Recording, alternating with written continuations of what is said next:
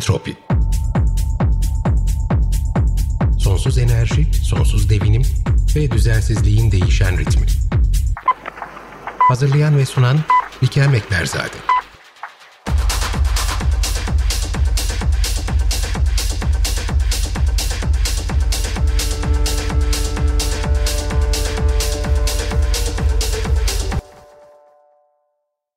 Az sonra doçent doktor Cihan Erdönmez ile birlikte 6831 sayılı Orman Kanunu'nu bu kanuna 2018 yılında getirilen ek 16. madde ile birlikte orman sınırı dışarısına çıkarılmakta olan alanları ve bu konular üzerinden de Türkiye'de aslında her biri kompleks bir ekosistem olan ormanlık alanlara yaklaşımı konuşacağız. Bugün günlerden 16 Ekim 2022 Entropi'ye hoş geldiniz. Sevgili Can Hocam hoş geldiniz. Bizi kırmadınız, teklifimizi kabul ettiniz. E, Entropi'nin bu bölümünde beraberiz. Dinleyicilerimiz için sizi tanıtalım. Doçent Doktor Cihan Erdönmez, İstanbul Üniversitesi Cerrahpaşa Orman Fakültesi Ormancılık Politikası ve Yönetimi Anabilim Dalı'nda öğretim görevlisiniz. Ve evet. konulara, bugün konuşacağımız konulara da vakıfsınız. Hatta uzman kişimizsiniz. Hoş geldiniz. Umarız siz de bu birinci entropi bölümümüzden sonra daha nice entropilerde birlikte oluruz. Ama bugün neden bir araya geldik? Dinleyicilerimize biraz e, onu anlatalım. Biz zaten 2021'de gerçekleşen büyük özellikle Akdeniz bölgesinde ama Türkiye'nin belirli başka noktalarında da çıkan orman yangınlarını buradan e, detaylı bir şekilde birkaç bölümde konuştuk. Ormanların başına gelenleri farklı akademisyenlerle burada masaya yatırdık. Hatta ormanların akıbetini ne neden oluyor ee, bunları ekosistemsel olarak baktık, ekolojik olarak baktık, iklimsel olarak baktık, antropojenik olarak baktık ama Bugün biraz da orman kanunu üzerinden e, sizle beraber bunları konuşmak istiyorum. Daha doğrusu sizin bize anlatmanızı istiyorum. Birçok değişiklikler oluyor. Ek, ek maddeler ekleniyor. Bunlar çerçevesinde bazı pozisyonlar alınıyor ve orman e, giderek parçalanıyor. Orman diye adlandırdığımız bütün bir ekosistem giderek parçalanıyor ve e, biz orman alanlarından aslında ciddi oranda kayıplar yaşıyoruz. Yanlışsam lütfen düzeltin. E, bunlar bu geçen kanun maddeleri çerçevesinde. Hocam neler oluyor? Sizin tanık olduğunuz, takip ettiğiniz gelişmeler nelerdir? Ee, biz bugün biraz şu orman kanununa artık entropide giriş yapalım sizinle birlikte. Ee, yanlışlar nelerdir? Yapılması gereken nelerdir? Biz neler yapabiliriz? Onları biraz konuşalım birlikte istiyorum. Tamam, teşekkür ederim. E, hoş bulduk öncelikle. Bütün dinleyicilere selamlar. E, güzel bir giriş yaptınız. E, evet, orman yangınları, geçen sene özellikle yaşanan orman yangınları ve kamuoyunun hassasiyetle üzerinde durduğu orman konusuna dikkatleri daha da fazla çekti. E, orman yangınları olduğu zamanlarda bolca konuştuğumuz üzere ciddi bir sorun ve ciddi bir şekilde ele alınması, e, özellikle yangınların çıkmasının önlenmesi manasında. Bizde kamuoyunda daha çok yangınların söndürülmesi konuşuluyor ama e, orman yangınlarının çıkmasının önlenmesi söndürülmesinden daha önemli bir konu. E, daha kolay, daha pratikte mümkün ama maalesef bu konu üzerinde çok fazla durmuyoruz. Ama öbür taraftan bir zamanlar ben Yeşil Gazete'ye haftalık yazılar yazıyorum. Haftalık derken haftada bir yazmaya çalışıyorum ama her zaman mümkün olmuyor. Ormancılık politikası yangınları diye bir başlıkla bir yazı yazmıştım. Evet bir taraftan yangınlar ormanlarımızı yakarken bir taraftan da ormancılık politikasında atılan adımlar ormanlarımızı sizin de söylediğiniz gibi azaltıyor, parçalıyor, bozuyor, tahrip ediyor. Bunlar arasında en önemlileri de orman kanununda sık sık yapılan e, böyle şaka olarak burada orman kanunu mu geçerli filan gibi espriler yapılır. Evet Türkiye'de bir orman kanunu var 1956 yılından beri. Hatta ilk orman kanunu 1870 yılında çıkmış orman nizamnamesi adıyla. Ormanların nasıl korunacağı, nasıl yönetileceği, nasıl işletileceği bir kanunla tabii ki düzenlenecek bir orman kanunu var. Ama bu kanunda o kadar çok değişiklik yapılıyor ki güncel ihtiyaçlar doğrultusunda, tırnak içinde söylüyorum güncel ihtiyaçlar doğrultusu, doğrultusunda e, ifadesini. Çünkü bu güncel ihtiyaçlar ormanları korumak ve geleceğe daha iyi şekilde ormanları bırakmak ihtiyacı değil de daha çok ormanlardan ekonomik olarak nasıl faydalar elde edebiliriz, nasıl çıkarlar sağlayabiliriz şeklindeki güncel ihtiyaçlar doğrultusunda Orman Kanunu'nda sık sık yapılan değişiklikler var. Ee, sizinle yayın öncesinde de konuştuğumuz gibi bunlardan en önemlilerinden bir tanesi e, 1971 yılından beri uygulanan Orman Kanunu'nun ikinci maddesinin B bendi, 2B diye kamuoyunda bilinen. O zamana kadar anayasada 1961 anayasasında ormanları çok sıkı şekilde koruyan bir madde vardı. O zamanki 131. madde. 1970 ee, yılında meclisteki bütün partiler bir araya gelerek ki o zaman Adalet Partisi, Cumhuriyet Halk Partisi ve Güven Partisi vardı mecliste. Ee, önce Türkiye Büyük Millet Meclisi'nde daha sonra da Cumhuriyet Senatosu'nda o zaman ikili bir meclis sistemi vardı. Kabul edilerek bazı ormancı e, meclis üyelerinin şiddetle karşı çıkmasına rağmen bütün partilerin mutabakatıyla e, yapılan anayasa değişikliği sonrasında e, Orman Kanunu'na eklenen bir madde ile iki ma ikinci maddenin B bendiyle kamuoyunda 2B olarak bilinen ve günümüze kadar yaklaşık 700 bin hektar orman alanının orman sınırları dışarısına çıkarılmasına yol açan bir uygulama yaşandı.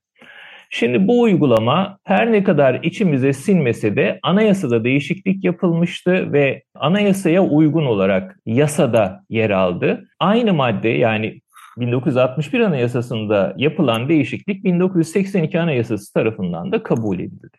Fakat yakın zamanlarda öyle bir şey yapıldı ki 2018 yılında Orman Kanunu'nda bir değişiklik yapıldı ki sözün ettiğim şey kanuna eklenen ek 16. madde anayasaya uygun olmayan şekilde yeni orman alanlarının da orman sınırları dışarısına çıkarılmasına izin verildi bu düzenlemeyle. Tuhaf bir şekilde bizim ben hukukçu değilim hemen onu vurgulayayım. E, hukuksal bir tartışma e, yapacak durumda değilim, haddim değil ama çok açık olan bazı şeyleri anlamak için de hukukçu olmaya gerek yok. Şöyle söyleyeyim size bizim şu an yürürlükte olan anayasamızın 169. maddesinin son fıkrası yani son paragrafı diyor ki şunlar şunlar şunlar dışında orman sınırlarında daraltma yapılamaz diyor.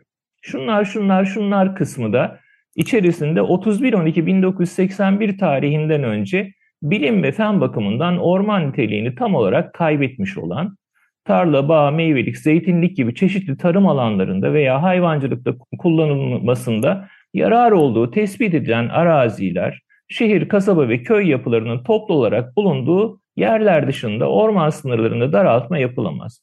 Bu madde ne diyor biliyor musunuz anayasa? 31-12-1981 tarihinden önce birileri ormanda tarla açmışsa, fındıklık yapmışsa, zeytinlik yapmışsa, bağ bahçe kurmuşsa, üstüne şehir kurmuşsa, örnek verebiliyorum ben Ümraniye ve Sultanbeyli gibi ilçeler örneğin İstanbul'da ormanın üzerine kurulmuş ilçelerdir çok büyük oranda tamamı değil ama çok büyük bir bölümü orman alanlarına kurulmuş ilçelerdir. Bunları affettim. Buraları orman sınırları dışarısına çıkarıyorum. Orman sınırları dışarısına çıkarılınca tabii yine hazine arazisi oluyor malum. Bir 2012 yılında da bir yasa değişikliği, yeni bir yasa çıkarılarak o arazilerin o işgalleri yapanlara satılması da olanaklı hale geldi. İşte bu da 2B alanlarının satılması meselesiydi.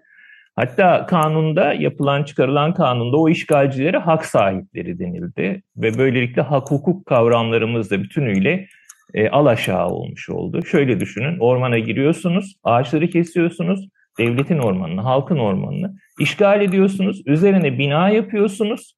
Devlet onu affediyor, önce hazine arazisi yapıyor, arkasından da bir kanun çıkararak siz hak sahibisiniz burada size satayım bunu diyor. Hem de rayiç bedellerin altında fiyatlarla. Bu uygulama devam ediyor. Şimdi buna alıştık. Yani her ne kadar içimizi yaksa da 1970 yılında bir anayasa değişikliği yapıldı ve anayasadaki hükümlere uygun olarak yasa değiştirildi. Uygulamalar yapılıyor. Günümüze kadar yaklaşık 700 bin hektar orman alanı 700 bin hektar orman alanı 1937 yılından 1945 yılından beri ağaçlandırma yoluyla kazandığımız orman alanı kadar aslında. Yani ağaçlandırmalarla kazandığımız orman alanını 2B ile biz verdik bu arada. Tırnak içinde onu da söyleyeyim. Buna alışmışken 2018 yılında Orman Kanunu'na bir ek 16. madde eklendi. Şimdi e, dinleyicilerin sabırlarını zorlamadan dikkatlerini bir şeye çekmek istiyorum. Ne demişti? 31-12-1981 tarihinden önce orman niteliğini yitiren alanlar orman sınırları dışarısına çıkarılır demişti değil mi? Ek 16. madde bakın şöyle diyor. Orman ve Su İşleri Bakanlığı'nca bilim ve fen bakımından orman olarak muhafazasında hiçbir yarar görülmeyen ve tarım alanına dönüştürülmesi de mümkün olmayan yerler ile bu maddenin yürürlüğe girdiği tarihte, bu maddenin yürürlüğe girdiği tarih 19 Nisan 2018. Anayasa ne diyordu? 31 Aralık 1981. 31 Aralık 1981 ile 19 Nisan 2018 arasında nereden baksanız 40 yıla yakın bir süre var. Yani 40 yıllık bir süre anayasaya aykırı şekilde maddenin devamı şey bu maddenin yürürlüğü, yürürlüğe girdiği tarihte üzerinde yerleşim yerleri bulunan ya da yerleşim yerleri oluşturulması uygun olan şu şu şu alanlar Cumhurbaşkanı tarafından belirlenen alanlar orman sınırları dışarısına çıkarılır. Şimdi Anayasa 31.12.1981 diyor. Yasa bu maddenin yürürlüğe girdiği tarih diyor. 31.12.1981 19 Nisan 2018. Bunun için hukukçu olmaya gerek yok. Bu açıkça anayasaya aykırı bir madde.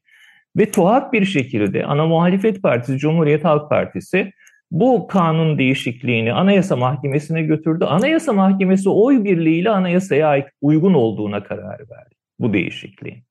Bunu da anlamak çok zor. Ben anlayamıyorum. Yani bilmiyorum hukukçular evet siz normal düz mantık bakıyorsunuz. Hukuk tekniği açısından şöyle bir ayrıntı varlar var derlerse dinlemek isterim. Şimdi bu maddede uygulanıyor sözün özü Bikem Hanım. Yani 2B'ye alışmıştık. 700 bin hektar orman alanı, orman sınırları dışarısına çıkarılmıştı. Daha da devam ediyor. Orman kadastro çalışmaları devam ettiği sürece bu devam edecek. Buna bir de ek 16. madde eklendi. 2018 yılından bugüne kadar da yaklaşık 1000 hektarlık orman alanı, üzerinde yerleşim yeri oluşmuş, binalar yapılmış. Orman alanı, orman sınırları dışarısına çıkarıldı. Bir tane Bakanlar Kurulu kararı, 5-6 tane de Cumhurbaşkanı kararıyla. Burada çok önemli olan nokta şu. Bazıları diyorlar ki ya üzerinde bina yapılmış, şehir kurulmuş. Ne yapılsaydı? Yani geri döndürmesi mümkün mü? Buraya iki açıdan dikkat çekmek lazım. Bir, bu ormanların üzerine bina yapılırken, şehir kurulurken ormanı korumak görevine sahip olan devlet kuruluşları ne yapıyor? Veya bu devlet kuruluşlarının görevini yapmasına kimler neden engel oldu? Ben şimdi kendi meslektaşlarımı da zan altında bırakmayayım. Onlar da bazı durumlarda işlerini yapmak istiyorlar ama Türkiye'yi biliyorsunuz işleri yapması engelleniyor. Dolayısıyla neden bunlara engel olunmadı? Yasalar arkasında olmasına rağmen devlet kuruluşlarının. İkincisi şu, siz bu değişiklikleri sürekli böyle yaptığınızda halka şu mesajı veriyorsunuz. Siz ormana girin, tarlanızı açın, binanızı yapın, fabrikanızı kurun. Biz bir gün gelir bunu affederiz, bunu yasalaştırırız. Size de uygun bir fiyattan satarız. Yoktan para kazanmış olursunuz, yoktan zengin olmuş olursunuz. Düzgün vatandaşlar, dürüst vatandaşlar, devletine, kanununa saygılı olan vatandaşlar da bu ülkede hep, hep haksızlığa uğramış olur. Siz gözünüzü açın. Hani bir zamanlar Cumhurbaşkanımız vardı Turgut Özal, benim memurum e, işini bilir demişti. Evet. İşini bilen vatandaşlar işini yürütsün demek olur bu tür kanun değişiklikleri. Çok uzattım ama noktayı koydum. Yok çok teşekkürler hocam. Ben de hiç araya girmek istemedim. Çünkü anlattıklarınız o kadar önemli ve o kadar güzel bir şekilde kronolojik olarak bilgiyi verdiniz ki e, dolayısıyla hiç bölmek istemedim. Çok teşekkür ederim öncelikle. E, şimdi çok ciddi bir şeyle karşı karşıyayız. Burada bir, e, en son söylediğiniz onun altını kalın bir şekilde çizmek istiyorum. Biz aslında burada orman tırnak içerisinde talanının önünü açıyoruz. Ve aç, açmışız. Yıllar boyunca da açmışız bunu. Yani 2B ile 2B ile başlamışız. Aynı sizin söylediğiniz gibi nasıl olsa bir af gibi. Bize hep öyle değil midir? Hani imara uygun olmayan binayı yap nasıl olsa af gelir iskan alırsın. Bunlar da genelde seçimler öncesi gelir vesaire. Şimdi benzer bir şeyi aslında biz senelerdir, 10 yıllardır hatta e, ormanlar üzerinden yaşıyormuşuz zaten. Şu anda e, sizin anlattığınız aslında Türkiye genelinde ne kadar ciddi bir e, ormansızlaşmayla daha doğrusu ormansızlaşmayı teşvik etmeyle karşı karşıya olduğumuzu ben şu anda fark ettim. Açıkçası daha naif düşünüyordum. Durumun bu kadar vahim olduğunu farkında değildim. O yüzden bugün iyi ki geldiniz. Öncelikle onu söyleyeyim. Şimdi mesela geçen yıl yani 2021'de yanan e, yüzlerce hektar alan söz konusu. Türkiye genelinde sadece Muğla'da bildiğim kadarıyla 43 bin hektar alan yandı. E, yüzlerce evet. demeyeyim yüz binlerce hektar alan yüz binlerce, yandı. 140 bin Türkiye... hektar yaklaşık olarak 2021 yılında 140 bin hektar orman alanı maalesef yandı. Yandı ve bunun e, dediğim gibi 43 bin hektarı buradan e, Muğla tarafından ve, ve Muğla ilinin de turistik amaçlı ne kadar ciddi betonlaştığını son işte 10 senedir daha da, daha da yoğun bir şekilde 5 senedir ben yakından izliyorum. Burada yaşıyorum çünkü. 2018'deki bu ek madde e, bir de şöyle bir şeysi var. E, yanlışsam lütfen düzeltin. Benim efendim biz e, bu alanları orman vasfı yani orman sınırları dışarısına çıkartıyoruz ama bunların iki mislini farklı yerlerde orman e, olarak tahsis edeceğiz gibi bir şey. Bu ilk önce bu bir şehir efsanesi mi var mı böyle bir şey? Eğer varsa yani bir orman sadece bir ağaç grubu değildir. Onun içerisinde e, o, o ekosisteme ait e, o ormanla birlikte büyümüş, yerleşmiş, bazen göç eden başka canlılar da vardır toprağı ona göre seneler içerisinde değişime uğramıştır vesaire. Yani böyle bir e, dediğim gibi bu bir şehir efsanesi mi? Gerçekten böyle e, işte biz bir, bir bölümünü aldık bu ormanların ya da almayı planlıyoruz. Bunun ama iki mislini biz orman olarak size geri vereceğiz. Nasıl bir yer orman olarak geri verilebilir? Bir de işin o kısmını size sorayım. Gene ben mikrofonu size bırakıyorum. Var mı böyle bir şey? Varsa nasıl tasarlandı? Ne düşünüyorlar? Akıllarında ne vardı? Bir de sizden onları dinlemek isterim. Böyle bir şey açıklayım var. Aynı maddede, 216. maddede e, orman sınırlarının dışarısına çıkarılan alanın en az iki katı alan Orman Genel Müdürlüğü'ne orman tesis etmek üzere tahsis edilir diye bir hüküm var. Şimdi bir, bununla ilgili itirazları. Orman sınırları dışına çıkarma işlemine ilişkin Cumhurbaşkanı kararlarında nerelerin orman sınırları dışına çıkarılacağı yazıyor olmasına rağmen bunun karşılığında nerelerin Orman Genel Müdürlüğü'ne verildiği yazmıyor. Madem kanunda bu var, niye aynı kararda Cumhurbaşkanı kararında dinleyicilerim yanlış anlamasın Cumhurbaşkanlığı değil Cumhurbaşkanı kararı resmi adı. Madem öyle Cumhurbaşkanı kararında orman sınırları dışarısına çıkarılan alanla birlikte karşılığında verilen iki kat alan neden belirtilmiyor? Bunlar gerçekten veriliyor mu? Veriliyorsa kamuoyuna niye duyurulmuyor? Bir, ben bugüne kadar verildiğine ilişkin resmi bir belge görmedim. Varsa duyursunlar. Bir bu. İki, var olan ormanınızı koruyamayıp demin bahsettiğiniz gibi yani böceğiyle, toprağıyla, suyuyla, havasıyla, mantarıyla, tek hücrelisiyle, çok hücrelisiyle bir ekosistem olan ormanınızı koru, koruyamayıp Ağaçlandırılmak üzere Orman Genel Müdürlüğü'ne arsa vermek, alan vermek aynı şey değildir. Bugün dünyanın en önemli sorunu ağaçlandırmalar yoluyla yeni ormanlar kazanmaktan çok doğal ormanlarını koruyabilmektir. Dolayısıyla ikisi birbirinin iki kat değil beş kat verseniz yerini tutmaz. Bu da iki. Üçüncüsü de eğer Türkiye'de halen bir karış ağaçlandırılabilecek bir alan kalmışsa var olan ormanlarını koruyarak o alanları zaten ağaçlandırmak zorundadır Türkiye. Çünkü anayasa devlete orman alanlarını artırma görevi vermiştir anayasanın 169. maddesi. Anlatabiliyor muyum? Yani kimse iki katı kadar alan veriyoruz diye hava atmasın. O alanlar, var olanlar korunarak zaten ormana dönüştürülmek zorunda. Çünkü Türkiye orman fakiri bir ülke. Bilmiyorum anlatabildim mi? Yok çok güzel anlattınız ve hatta yani biyoçeşitliliği e, biyoçeşitlilik yılı olarak e, nitelendirilen bu yılda biyoçeşitliliği sıklıkla konuştuğumuz bir dönemde Avrupa'daki ülkelerin e, yeni bir kanun tasarısı üzerinde çalıştığını bildiğimiz bir dönemde nasıl işte biz e, mevcut e, doğal ekosistemlerimizi koruyabiliriz, sulak alanları, deniz havzalarını, denizel ekosistemleri ve ormanlarımızı ve burada ormanlar çok ciddi bir bu yeni Avrupa Birliği'nden geçecek kanun tasarısına çok ciddi ve detaylı bir bölümü de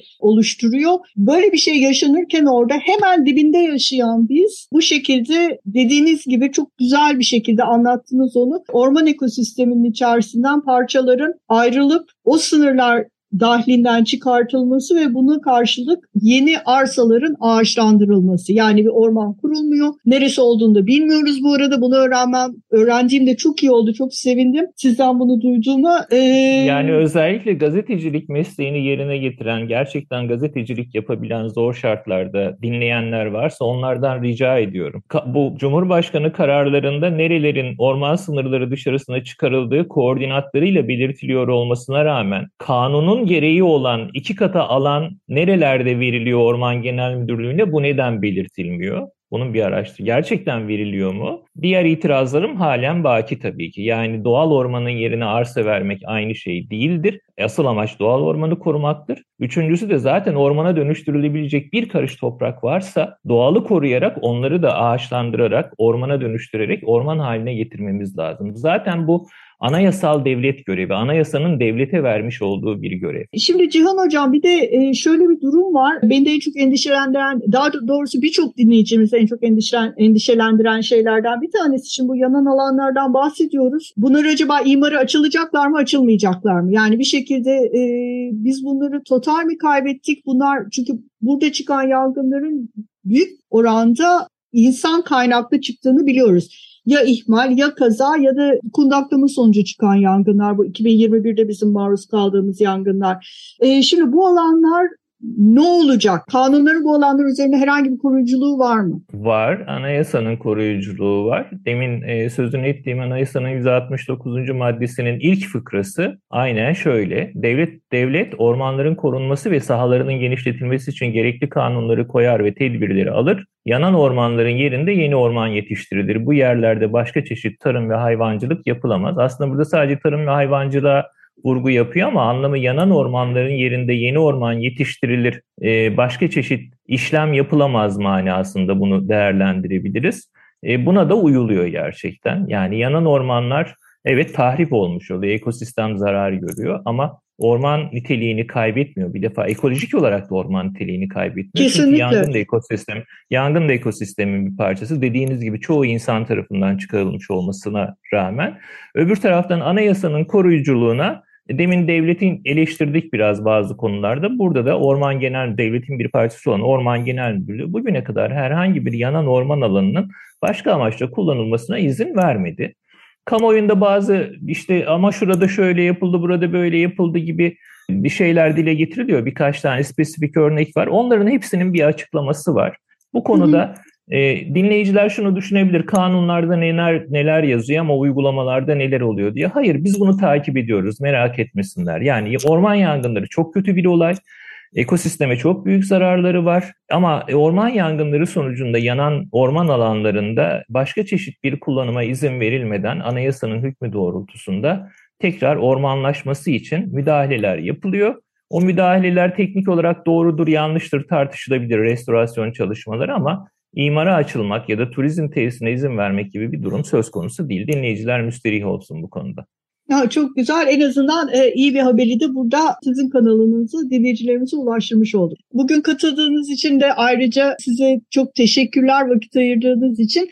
Bundan sonraki entropi bölümlerinde de gerek bu kanun kapsamında gerek ormanlarla ilgili farklı politikaları sizle beraber e, hem Türkiye için hem ötesinde masaya yatırmayı çok isterim. Çok sağ olun geldiğiniz için. E, ben de teşekkür ediyorum davetiniz için. Özellikle e, diğer programlar yapma şansımız olursa, bundan başka programlar yapma şansımız olursa, orman alanlarının ormancılık dışı kullanımlara tahsisi meselesini, yani işte turizm tesislerinde siz biraz yangınlarda vurgu yaptınız sanki yanal alanlar turizme hayır sağlıklı ormanlar turizme tahsis ediliyor.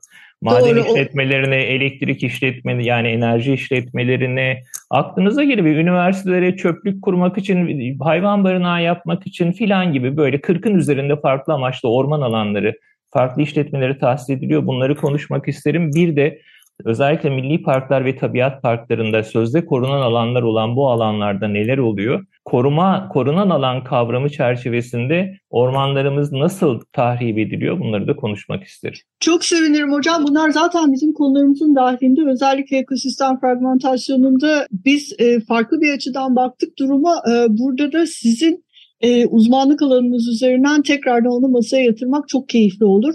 Söylediğiniz her şey şu anda listemize girmiş vaziyette. 2023'te sizi tekrardan aramızda görelim. O zamana kadar Son iki ayımız kaldı Entropi'de. iki haftada bir yayınlanan bir program olduğu için e, biraz trafiğimiz yoğun ama Ocak 2023'te bence biz tekrardan bir araya gelelim. Ben onu sizden sözünü şimdi almış olayım dinleyicilerimizin önünde.